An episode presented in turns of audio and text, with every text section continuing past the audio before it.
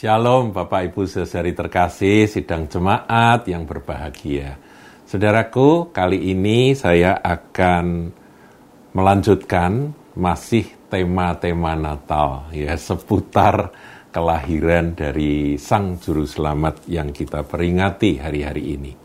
Saudara, eh, kali ini kita akan mengamati atau mempelajari ya kita mengekspos tentang tokoh-tokoh seputar Natal. Nah, yang pertama adalah yang terpenting ya, saudaraku ya. Ya semua penting, saudaraku. Tapi ini saya taruh nomor satu karena dia dia sangat berperan dalam kelahiran Sang Juru Selamat di atas muka bumi lebih dari 2000 tahun yang lalu. Siapa? Bunda Maria. Saudaraku, Bunda Maria itu adalah seorang wanita yang dipilih oleh Allah untuk menjadi ibu dari Sang Mesias. Tentunya sebagai seorang yang dipilih menjadi ibu dari Sang Juru Selamat, ini pasti dia bukan orang sembarangan dia pasti seorang yang hidupnya kudus, seorang yang takut akan Tuhan, seorang yang penuh dengan penyerahan diri kepada Tuhan. Nah, saudaraku, kita lihat di dalam Lukas 1 ayat yang ke-30 sampai 35. Lukas 1 ayat 30 dan 35. Nah, ini kita lihat saudara ya dari ayat yang ke-34 ya Bunyinya demikian. Kata Maria kepada malaikat itu, Bagaimana hal itu mungkin terjadi karena aku belum bersuami? Ketika dia menerima pesan dari Gabriel bahwa dia akan mengandung, dia langsung menjawab, Aku ini masih gadis, masih perawan. Memang aku sudah bertunangan, tapi aku belum menikah. Bagaimana hal itu mungkin terjadi karena aku belum bersuami? Kok bisa hamil dan mengandung dan nanti akan melahirkan seorang yang akan menjadi juru selamat dunia? Jawab malaikat itu kepadanya, Roh Kudus akan turun atasmu dan kuasa Allah yang Maha Tinggi akan menaungi engkau Sebab itu anak yang akan kau lahirkan itu akan disebut kudus, anak Allah. Roh kudus akan turun atasmu dan kuasa Allah yang maha tinggi. Tuhan Allah kita itu maha kuasa. Ya, karena dia maha kuasa, seorang gadis tanpa benih laki-laki, dia bisa mengandung. Itu ketetapan Tuhan itu ketetapan Allah. Dan itu sudah dinyatakan 700 tahun sebelum peristiwa ini terjadi. Di dalam kitab Nabi Yesaya. Oleh ilham roh yang sama yang membuat uh, Bunda Maria itu mengandung akan bayi Yesus. Roh yang sama itu menguasai Yesaya dan Yesaya menuliskan nubuatan. Nanti kita akan lihat, saudaraku. Tapi ini saya lanjutkan dulu ya. Uh, anak yang kau lahirkan akan disebut kudus, anak Allah.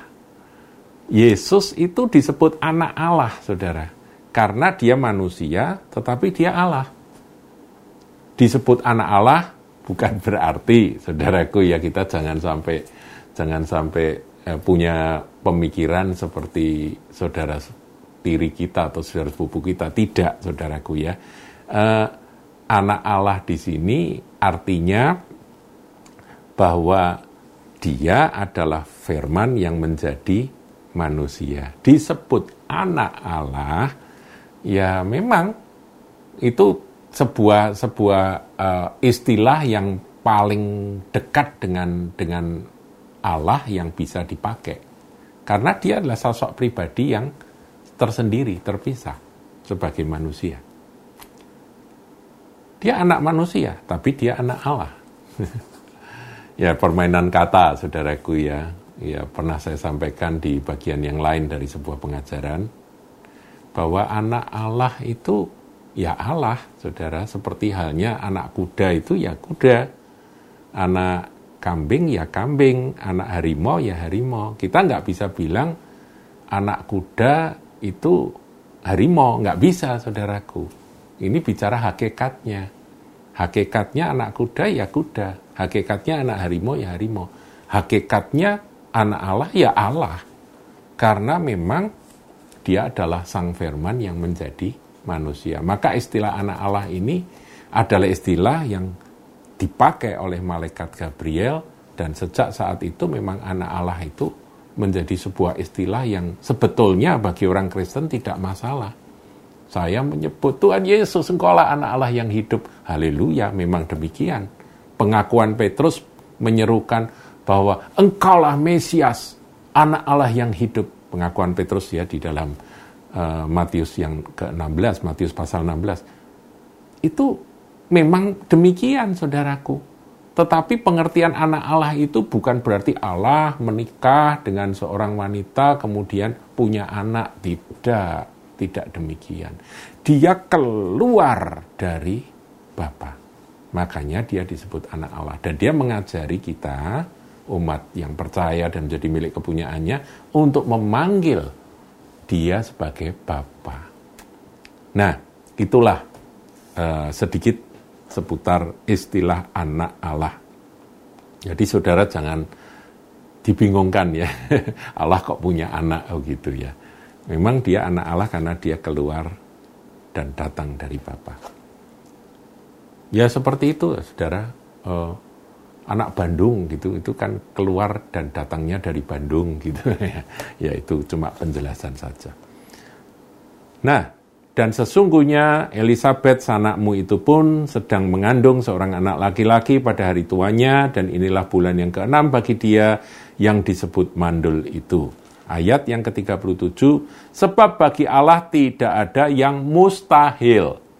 Kata Maria, Sesungguhnya aku ini adalah hamba Tuhan. Ini uh, satu poin yang luar biasa yang kita bisa pelajari, bisa kita teladani dari Bunda Maria. Ketika itu Maria sebagai seorang gadis yang belum melakukan hubungan dengan hubungan sebadan dengan siapa pun juga, termasuk dengan tunangannya itu dia berkata sesungguhnya aku ini adalah hamba Tuhan. Jadilah padaku menurut perkataanmu itu. Lalu malaikat itu meninggalkan dia. Maria menerima ketetapan Allah. Aku ini hamba Tuhan. Jadi kalau Tuhan menghendaki aku harus hamil meskipun belum bersuami, jadilah. Saudara tahu ada risiko, risikonya besar sekali. Sebagai seorang Yahudi risikonya, wow, dia bisa dikucilkan, bahkan bisa mungkin diberlakukan hukum rajam karena dia dianggap berzina. Itu saudaraku, resiko yang besar. Jadi tokoh-tokoh seputar Natal yang pertama yang saya sebutkan adalah Bunda Maria, seorang wanita yang ketaatannya begitu luar biasa kepada Tuhan sehingga dia siap menanggung risiko seburuk apa pun juga. Dia memang sudah hampir loh saudaraku, hampir kena risikonya atau menanggung risikonya yaitu apa? Hampir diceraikan oleh tunangannya yaitu uh, Yusuf.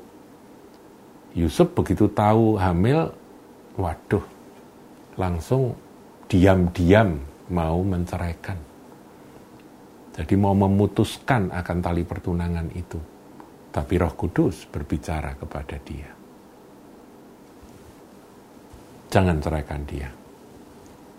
Karena anak yang ada dalam kandungannya itu berasal dari roh kudus. Nah saudaraku ini yang yang luar biasa dari tokoh-tokoh seputar Natal. Nah kita kembali ke Bunda Maria saudaraku ya. Dia berserah penuh, penyerahan total pada kehendak Tuhan. Dua, siap menanggung risiko diceraikan oleh tunangannya, dipermalukan, bahkan bisa-bisa dirajam, dihukum mati. Dia mempertaruhkan segalanya, reputasi, bahkan nyawanya. Bahkan juga kebahagiaan, saudaraku, kebahagiaannya dia uh, dengan sang tunangan yang dia kasihi, itu resiko, saudara. Dia lepaskan. Hanya karena apa?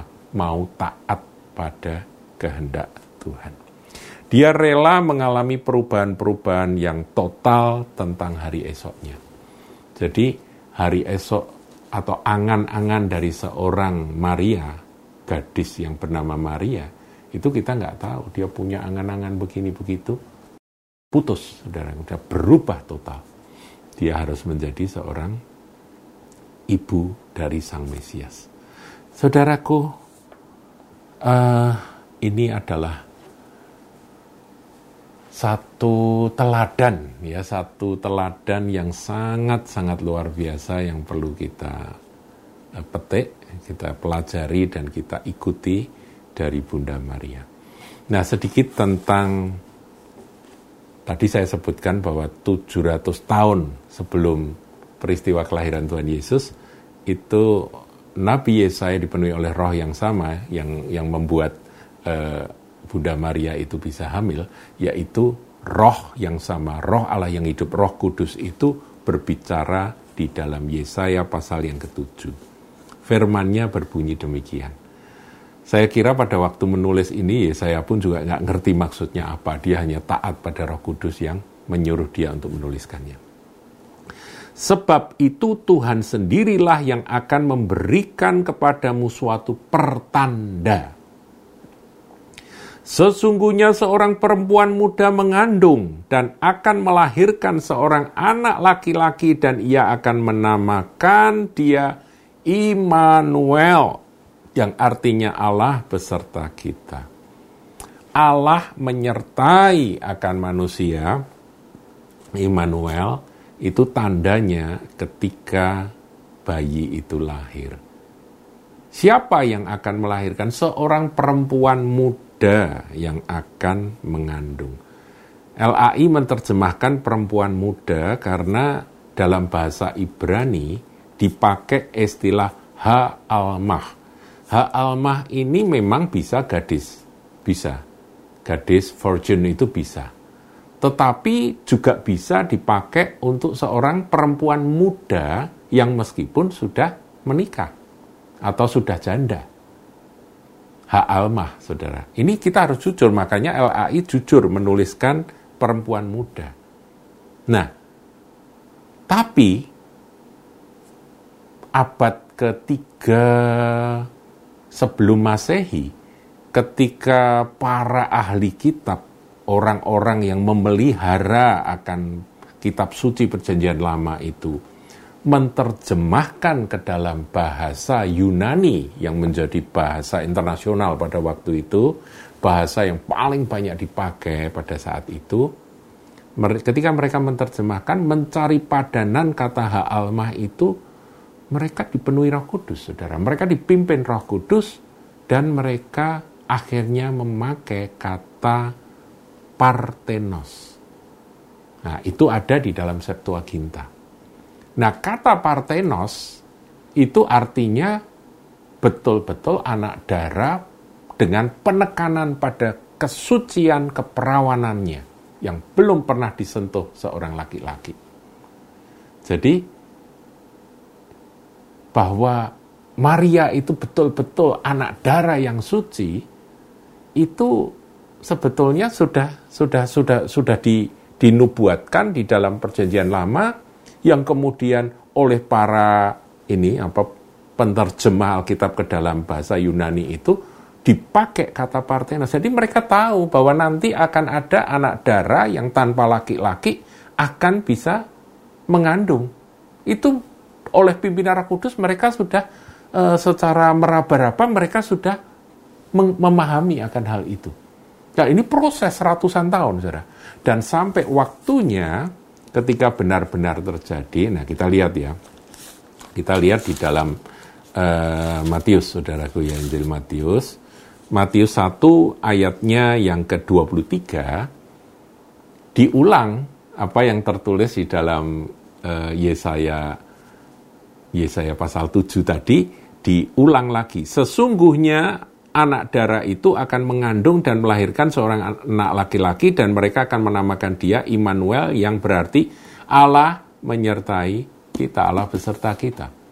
Nah, kata anak darah itu ya karena ini dipakai bahasa Yunani, ya langsung kopi saja dari Septuaginta, yaitu Parthenos, yang artinya anak darah yang suci.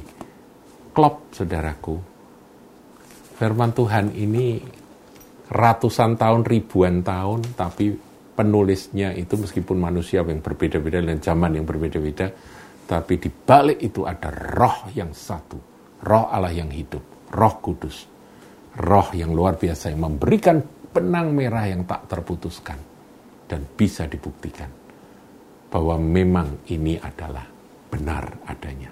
Yesus pun lahir dari seorang perempuan yang adalah seorang perawan bernama Bunda Maria. Dan dia lahir dari seorang wanita yang luar biasa. Seorang wanita yang berserah penuh pada kehendak Allah, kehendak Tuhan. Siap menanggung risiko dicerai, dipermalukan, dihukum mati. Rela mengalami perubahan-perubahan total. Mimpi-mimpi pribadi dia buang dan dia menerima kehendak Tuhan terjadi di masa depannya. Itulah salah satu tokoh yang ada di dalam peristiwa kelahiran Tuhan Yesus. Bunda Maria. Tuhan Yesus memberkati.